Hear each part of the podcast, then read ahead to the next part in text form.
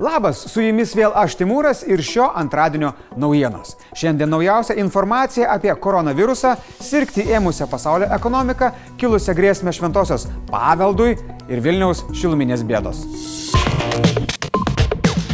Gera žinia, naujų koronaviruso atvejų neturim. Iki šiol atlikta apie 200 tyrimų, visi neigiami. Užsikrėtusiai šiaulietiai dar teks pabūti ligoninėje, o tie, kas neseniai grįžo iš viruso žydinių, nedarbingumą jau galima gauti neišeinant iš namų. Reikia tik užpildyti visuomenės sveikatos centro anketą ir laukti medikų skambučio.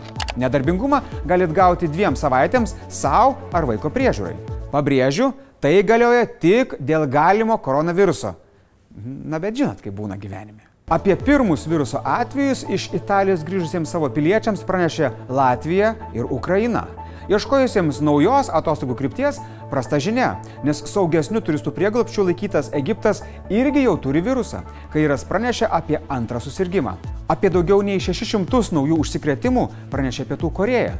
Ten jau beveik 5000 sergančių, iš kurių 29 mirė. Taip Pietų Koreja tapo didžiausiu viruso žydiniu už Kinijos ribų. Dabar pasaulyje yra per 90 tūkstančių užsikrėtusių ir per 3 tūkstančius mirčių. Tuo metu JAV valdžia nesusišneka tarpusavyje dėl viruso vakcinos. Viceprezidentas Maikas Spencas, cituodamas Trumpą, paskelbė, kad ji gali būti pradėta naudoti jau vasarą. Mokslininkai iš karto paneigė, vakcina bus prieinama geriausiu atveju po metų, o gal net ir pusantrų.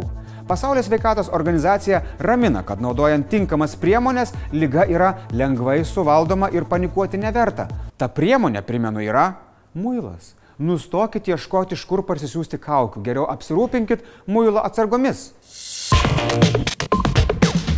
Galingiausių ekonomikų, tai yra didžiojo septyneto finansų ministrai ir bankininkai, tarėsi, ką daryti, kad dėl viruso pasaulis nepultų į ekonominę depresiją.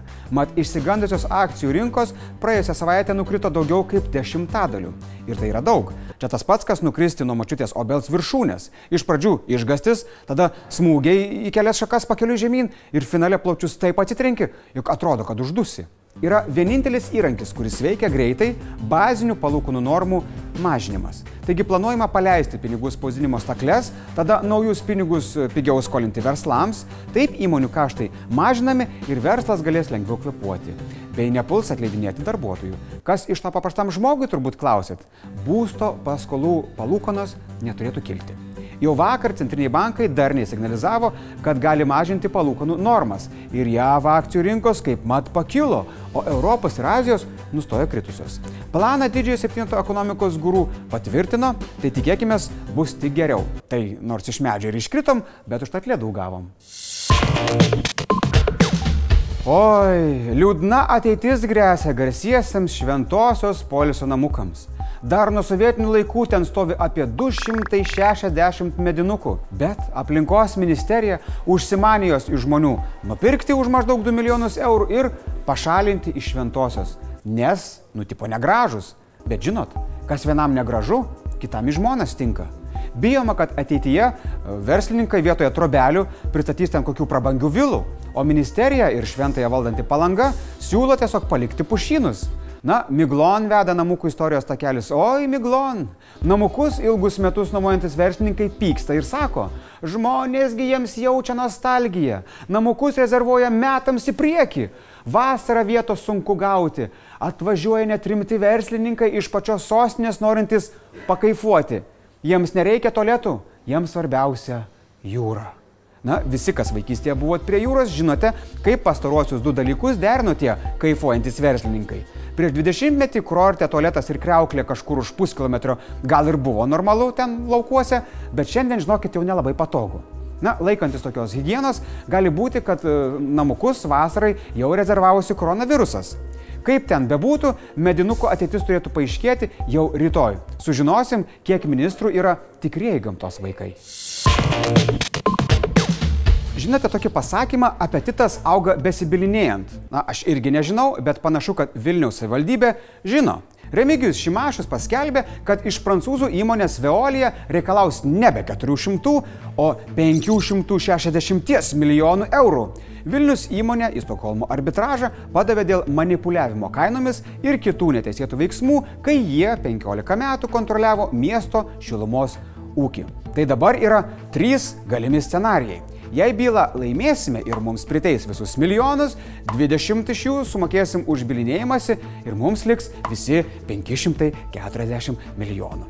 Jeigu bylą mes laimėsim, bet nepriteis ten to visko, bus mažiau negu 20 milijonų, visą laimėjimą suvalgys bilinėjimosi išlaidos. O jei pralaimėsime Veoliją, iš mūsų gali prisiteisti apie 22 milijonus eurų. Nu čia toks liūdnesnis. Sprendimas greičiausiai bus tik kitą metą, bet laukti yra ko, nes gauti pinigai, kaip pranešama, būtų panaudoti Vilniečių permokoms gražinti ir investicijoms į šilumos ūkio modernizavimą. Kur jūs išleistumėte netikėtai atsiradusius milijonus, ką? Man tai užkaistas smegeninio fantazijos, žinot. Tai vad miesto pergalės atveju visų Vilniečių smegeninis būtų visiškai on fire. Laikom čiūrikus tiek Stokholme, tiek Rotterdame. Blitz naujienos. Buvusi kandidatė į prezidentus Ingrida Šimonytė sutiko stoti už konservatorių partijos vairo Seimo rinkimuose. Tuo metu buvęs Praimas Algirdas Butkevičius į rinkimus eis su Lietuvos žaliųjų partija. Lažinosi, kad dar apsigalvos kokius, nu, 15 kartų. Teismas pradėjo nagrinėti pabėgėlės Seimo narės ir buvusios teisėjos Nerigos Vinskienės bylą. Salėje vos tilpo stebėtojai, kaltinamąją pasitikė plojimais, ovacijom. Vinskieniai grėsė 3 metai laisvės atimimo. Kodėl niekas nebeplojate? Popiežius Pranciškus patikrintas dėl koronaviruso. Rezultatas neigiamas. Kaip jis išvengė užkrato? Gali būti, kad popiežius tiesiog buvo paslėptas Vatikano archyvose, kur patekti negali niekas, net virusas. Dėl viruso NBA savo žaidėjams liepė pakeisti high five, tai yra susimušimą delnais ore, į pasisveikinimą sumušant kumščiais. Va taip. Krepšininkai raginami susilaikyti nuo autografų dalinimo, neimti iš sirgalių jokių daiktų, rašiklių, kamolių ar marškinėlių. Na, iš esmės, legaliai galima būti arogantiška žvaigždė. Kovo 10 dieną Lietuvos nepriklausomybės atkūrimo 30-mečio proga Romos koliziejus nušvis mūsų trispalvės spalvomis. Ir nesakykite, kad galėjom ir savo grįvėsius apšviesti, mūsų grįvėsiams dar reikia ištovėti bent tūkstantį metų. Nors kai pagalvoju, atrodo, kad tūkstantį metų jau stovi. Pabaigai paaiškėjo, su kuo RUP konkuruos Eurovizijos pusfinalyje. Nors Rusijos grupė Little Big žada linksmą pasirodymą ir naują įsimintiną choreografiją, manau, Europa jau turi savo favoritus. Skibri wapapa, skibri amon fire. Nu, žodžiu, ten žinot. Remkit mus Patreon'e ir laikinkit video. Tiek žinių.